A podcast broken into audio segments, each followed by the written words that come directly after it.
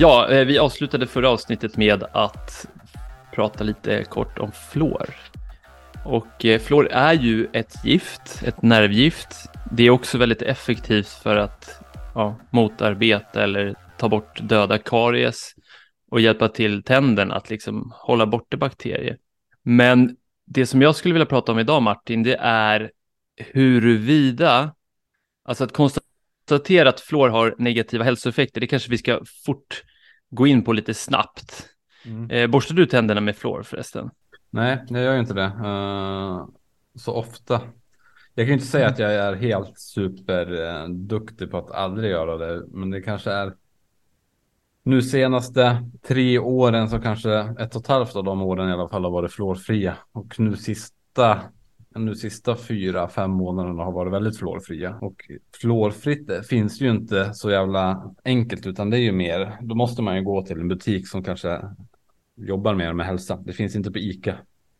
Och jag kan komma in i perioder där jag jobbar väldigt mycket och inte hinner gå till butiker eller beställa på internet kan man ju alltid göra. Men jag är dålig på att planera och då måste jag köpa en vanlig sån fluor, fluortandkräm. Men så kan det bli. Just det. Eh, nej, men vi, jag har inte borstat med fluor på ett par år och eh, jag har haft tur. Jag har bott nära ICA som faktiskt har haft fluorfria också, men så här riktigt bra utbud ICA.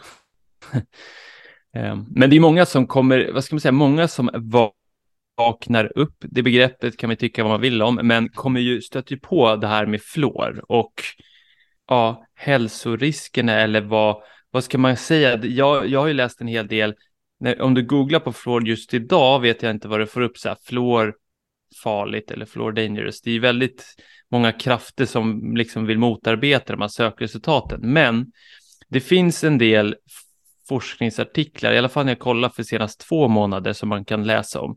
Och det, det, det varför det här har blivit en grej, en snackis i hela vakenvärlden är ju för att man i obduktioner har forskat och hittat massa fluor runt tallkottkörteln. Man har hittat annat också eh, vad heter det, kalcium, heter det kalcium, I, i, när det omvandlar, jo men det gör det.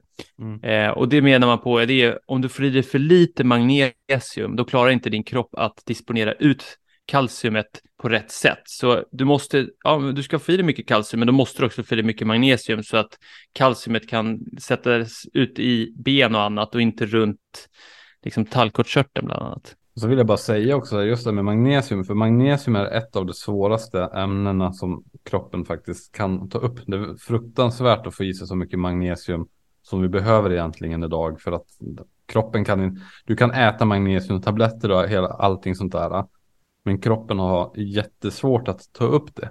Så det spelar inte så stor roll egentligen att du äter, eller det är klart det spelar roll, men det kommer inte ge så mycket som du tror att äta magnesiumtabletter för kroppen kroppen tar inte riktigt upp det. Utan man måste verkligen så här tänka hur, hur, när ska jag ta magnesium, på vilket sätt kan jag ta bort någonting annat? Så det är verkligen så också en sån där grej som att man behöver, behöver ha lite koll på att bara för man äter magnesiumtabletter så betyder det inte det att du får i dig den mängden du behöver. Utan då måste du börja kolla liksom att när på dygnet. Jag tror att det ska vara bättre att ta magnesium på kvällen för då har kroppen lättare för att ta upp intag och lite sådana saker. Ja, men det är intressant för det är så är det med väldigt många alltså näringsämnen eller vitaminer och annat. Att du får inte ta det samtidigt som du tar det här och du ska helst ta det vid den här tidpunkten och så vidare. Man blir till slut så när man i perioden när man har käkat mycket av det här eller bara man är lite extrem period, då blir man så här shit, det kokar ju över för att det är så många grejer man måste ha koll på. Oj nej, shit, nu tog jag det, men det skulle jag inte tagit för det. Ja. Ett bra tips på det då är ju då, ett av de här tipsen är för att jag om jag ska ha i mig tillräckligt med, med, magnesium så kan ju ett, ett tips kan ju också vara att om jag om jag förminskar kalcium så behöver jag inte ta in så mycket magnesium. Till exempel. Om det blir skevervikt så kanske kan det vara lättare att förminska någonting så man inte behöver ta in så mycket av det andra helt enkelt. Det är lite grann dit jag vill komma. Ja, och då kanske man får i sig för lite kalcium så bryter man ben. det, det är dit jag vill komma. Till slut blir det bara att too much. Eller lite återigen, man, jag tror man ska lyssna på sin magkänsla och bara Ibland går det lätt att övertänka, för Melina har en tendens att kunna grotta ner sig i sånt här och till slut blir det så här, man får inte äta någonting. Alltså det är så här, det enda rätta är bara fasta. Om vi återgår till floren då, så, så är det väl där många har fått upp liksom blicken för flor på ett annat sätt från jag menar i skolan proppas vi in fluortanten och så vidare, många, eh, och, och, alltid att fluor är så bra. Jag kommer ihåg man fick höra de här böckerna och läsa om karies och baktus och så vidare. Det är en tidig programmering att fluor är något väldigt bra och viktigt för tänderna. Det är inte något tvivel om det. Alltså fluor är superbra. Det vi ska prata om idag, det är just effekterna. Vad är, för det första, vad är tallkottkörteln? För visst, om du har vaknat så har du säkert hört talas om pineal gland, tallkottkörteln, det är, är väl någonting man kan säga trendat, eller ska man säga trendar? Det tycker jag väl ändå att man kan säga, för det är trend, för det är ju någonting, vissa saker när du, för det, det är som du säger, vakna, alltså när man vaknar upp och det ska vi också, det måste jag få gå in på ett senare avsnitt också. För det, det, det, är många som vaknar fast de tappar många andra egenskaper. Men det är någonting helt annat. Men när man börjar ifrågasätta, när du, när du har gått ett helt liv, att kliva upp klockan sju, åka till jobbet och sen åka hem, äta kött, gå och lägga dig, eller kolla på tv och gå och lägga dig. Och sen helt plötsligt så kommer du på en dag att det finns någonting annat. Det är någonting annat där ute. Och då brukar ju den här äh, tredje ögat och hela den biten. Den brukar ju vara bland det första som man börjar liksom säga, ah, jag har två ögon som jag kollar med och jag har ett tredje öga som jag ser med. Och den är ändå ganska, ganska intressant, för det är ju någonstans där med tredje ögat som man kanske kan koppla ihop med då, magkänslan. Vad är magkänsla för någonting? Hur kunde jag mm. veta att det här skulle ske? Hur kunde jag veta att min bror skulle ringa mig just idag. Jag kände det på mig att han skulle ringa just idag. Jag har inte pratat med honom på sju månader, men jag kände på mig att han skulle ringa idag och det gjorde han. Det är ju en magkänsla. Vart, vart kommer den ifrån? Och det tror jag då är tredje ögat och magkänsla. Det är ju samma sak. Då. Precis. Jag brukar prata intuition, magkänsla, men det är typ samma sak. Och alltså, jag tror verkligen, jag vet inte, min magkänsla säger mig att den här delen av hjärnan, den är ju väldigt pytteliten, men att ge just den som är, vissa säger sätet för själen, och det kan jag också köpa någonstans, att det är kopplat till det. Och för mig, intresset för talgkottkörteln, eh, det kom för mig när jag stötte på Horus öga. Du känner till Horus öga? Till namn, nu får du fan, nej, det känns bekant fast jag kan inte sätta fingret på det. Jag kommer ju också från en, en, ett musikintresse som är från punk, metal och hårdrock och lite alternativ musik. Och där får man, kommer man ju ofta i kontakt med sådana här uttryck och sen kan man inte riktigt sätta fingret på vart man har hört, hört, hört det. Just det, ja men Horus öga det är en eh, egyptisk symbol. Horus var en av huvudgudarna i den egyptiska mytologin och det är en väldigt känd avbildning, Horus öga. Du kommer känna ja, igen den när du ser den. Precis, nu vet jag. Och, och den ska ju då många menar att det är en avbildning av tredje ögat, alltså hjärnan i genomskärning om du skulle se rakt in i tallkottkörteln där. Så jag har ju nördat ner mig i det spåret och där kan man ju, gör man det så upptäcker man tidigt att eh, ja, men de här egypterna eller vem det nu var, de jag tror inte de kallar sig egypter, de som faktiskt, vad ska man säga, alltså som först kom i kontakt med de här gudarna, eller vad man ska säga. Uh, Horus i varje fall, Horus öga var det som fick startade mitt intresse i det, det här. Och jag tror, jag tror att den symbolen är en typ av lite, ska jag säga, gåta eller lite, ett, ett, vad ska man säga, dolt budskap i den för framtiden. Jag tror många sådana här grejer är dolda budskap för oss att liksom förstå eller dekoda i framtiden. Och jag tror att det finns mycket sånt, men vi lever i en värld där folk är så sjukt busy så att det är få som, liksom, hur många orkar nörda ner sig i, i vad det skulle vara för liksom, kod eller hemligt budskap i en sån symbol. Inte många har tid med det. I varje fall, de här obduktionerna har man ju då hittat att den här körteln är kalcifierad kan vi säga, eller liksom ja, av både kalcium och eh, huvudsakligen kalcium och fluor, fluorider. Mm. Och och det, det då menar man på, man har varit inne lite på att det kanske är en av anledningarna till att man får Alzheimers. Det är väldigt tidig forskning. Jag menar, den här delen av hjärnan är längst in i hjärnan. Det är inte så lätt att obducera och bara forska på den här delen. Så att det är ju väldigt komplext. Men man börjar göra lite kopplingar att Alzheimers kanske grundar sig att den här delen blir liksom förkalkad. Men i mycket tidigare skeden att du får Alzheimers så måste ju, om den här delen av hjärnan är så viktig så måste det ju påverka oss på andra sätt om de, den börjar förkalkas från liksom barnsben. Mm. Eller vad tänker du om det här Martin? Alltså vad, vad, vad, vad tror du? Dels så tänker jag ju så här, eftersom den sitter längst in i hjärnan och då tänker jag bara efter, vi, vi, vi vet ju att vi vet ju att naturen är smart. Så mycket vet vi. Vi vet ju att det, att det är en, en intelligens design. Det måste ju nästan alla liksom. Allting som lever och frodas på, jord, på jorden är ju skapt helt fantastiskt perfekt. Och då om någonting sitter längst in i hjärnan tänker jag att då måste det vara viktigt. För man mm. sätter ju inte någonting oviktigt så långt in och sätter någonting viktigt långt ut. Så, så det, må, det, måste man ju också så här komma överens om att ja men så är det ju. Alltså, och då, då om det sitter så långt in i hjärnan då är den viktig och om den då har blivit täckt med massa skit då hur, alltså skitsamma om det är Alzheimers eller inte men det är ju inte bra. Nej. Helt enkelt. Samma sak som mycket fotbollsspelare dör ju i, i hjärtstopp för att de käkar så mycket värktabletter. För att de får inte käka värktabletter och inte känna någonting. Och då blir undrar om det också är kalcium eller om det blir någonting, någon vit hinna runt deras hjärta som gör att hjärtat inte kan slå riktigt och då stannar hjärtat så dör de. Unga fotbollsspelare. Okay. Och det här är också känt, alltså, känt sedan lång tid tillbaka. Det är inte bara den nya medicinen som har gjort detta utan det här var någonting som man pratade om för 10-15 år sedan också. Att det började vara fotbollsspelare som tvärdog. Och då kunde man ta det liksom att de har en vit hinna runt hjärtat och de dör för att vi stoppar i oss så mycket skit. Som både hjärtat liksom samlar sånt där och en del av hjärnan samlar lite annat sånt där.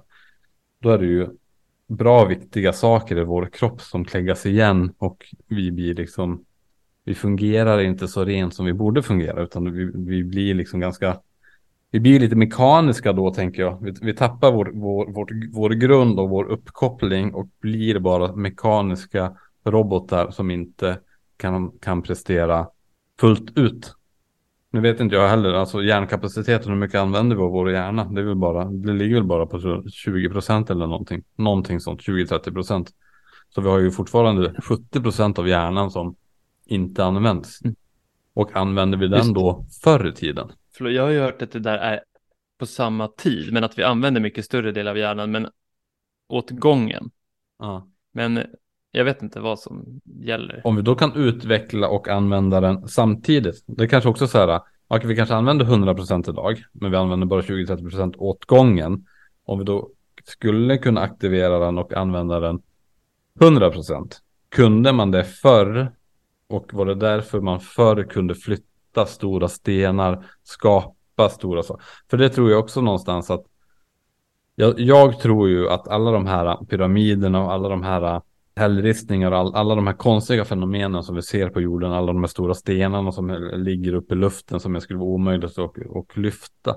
Jag tror ju att det är människor som lyfter. Jag tror inte, jag tror inte på att det finns utomjordingar. Jag tror inte på, på, på den biten, utan jag tror ju att det är människor, där vi människan som har det inom oss och kan skapa alla de här underverken som vi har, skapat, som vi har uppenbarligen skapat. Men att vi inte kan det längre för att vi har tappat det här äh, grejen med hjärnan. Och då blir det också så här, är, är en del av det att vi inte kan göra det längre för att vi äter så mycket skit och så mycket gifter. Som barn till exempel kan du också säga, du är mycket mer öppen som barn och kan, kan göra mer och du har mer kontakt till en annan värld. Och det vet man ju också att, att barn som är tre, fyra år, fem år gamla kan sitta och beskriva hur gammelmorfar såg ut, även fast du själv som förälder aldrig har träffat din morfar. Men din fucking unge kan sitta och beskriva hur gammelmorfar ser ut, hur han pratar, vad han sa, vad han jobbade med, hur han betedde sig. Även fast han inte har sett en bild på honom. Det betyder ju någonstans att, att, att de är connectade. Men sen när man mm. blir efter tre, alltså de första ett, två åren så är, ju, är, är man ju som förälder ganska duktig på att ge barnen ren mat. Första året ammar de. Andra året så brukar man vara ganska duktig på att ge dem ganska rent. När de börjar bli tre, fyra, det är ju då man börjar ge dem skitmat, man börjar borsta tänderna med fluor för att man har börjat äta socker och då måste man rengöra sockertänderna med fluor för att de inte ska få hål i tänderna. Och så tappar du hela den här uppkopplingen mot universum. Nej, men jag tror att du är helt inne på rätt spår. Jag tror att det är en samling av massa gifter. Jag tror fluor kan vara liksom huvudrollsinnehavaren i den här attacken. Eh, jag tror att det är en medveten attack. Vi ser att det började mycket av den här exponeringen, både fluor, vi tog reda på det förra avsnittet var det, eller två avsnitt sen, det var början av 50, mitten av 50-talet och många andra gifter började vi också exponeras i mycket större utsträckning för den här tidsperioden. Och sen är det en annan grej som började då också. Och det kan man tycka man vill om, att det kan ha en effekt för det vi pratar om. Men det var också en jävla massa vaccin som började dyka upp i den här vevan. Mm. Och vaccin innehåller en jävla massa gifter också. Så är det. Sen så kan vi sitta och diskutera huruvida vaccin är bra eller inte, men det innehåller massa skit också. Så att alla de här, vad ska man säga, alla de grundpelarna började ju någonstans ett tag efter andra världskriget och var det en naturlig gång? Det var liksom fattigt, världen var i kris, man behövde återupprusta världen och få igång liksom ekonomin och tog genvägar eller var det av en annan anledning som det inträffade just efter det kriget? Kan det vara så att det var en viss kraft som vann andra världskriget som gjorde att det vart en förändring efteråt? Alltså precis. Sen så i min värld lite pest eller kolera grej, eh, men fortfarande så det, det, är lite mycket saker som hände och började liksom inträffa efter andra världskriget för att det ska liksom bara vara en slump, tycker jag. Så är det ju. Alltså, det får man ju också se någonstans. Allting ritades ju om 1950.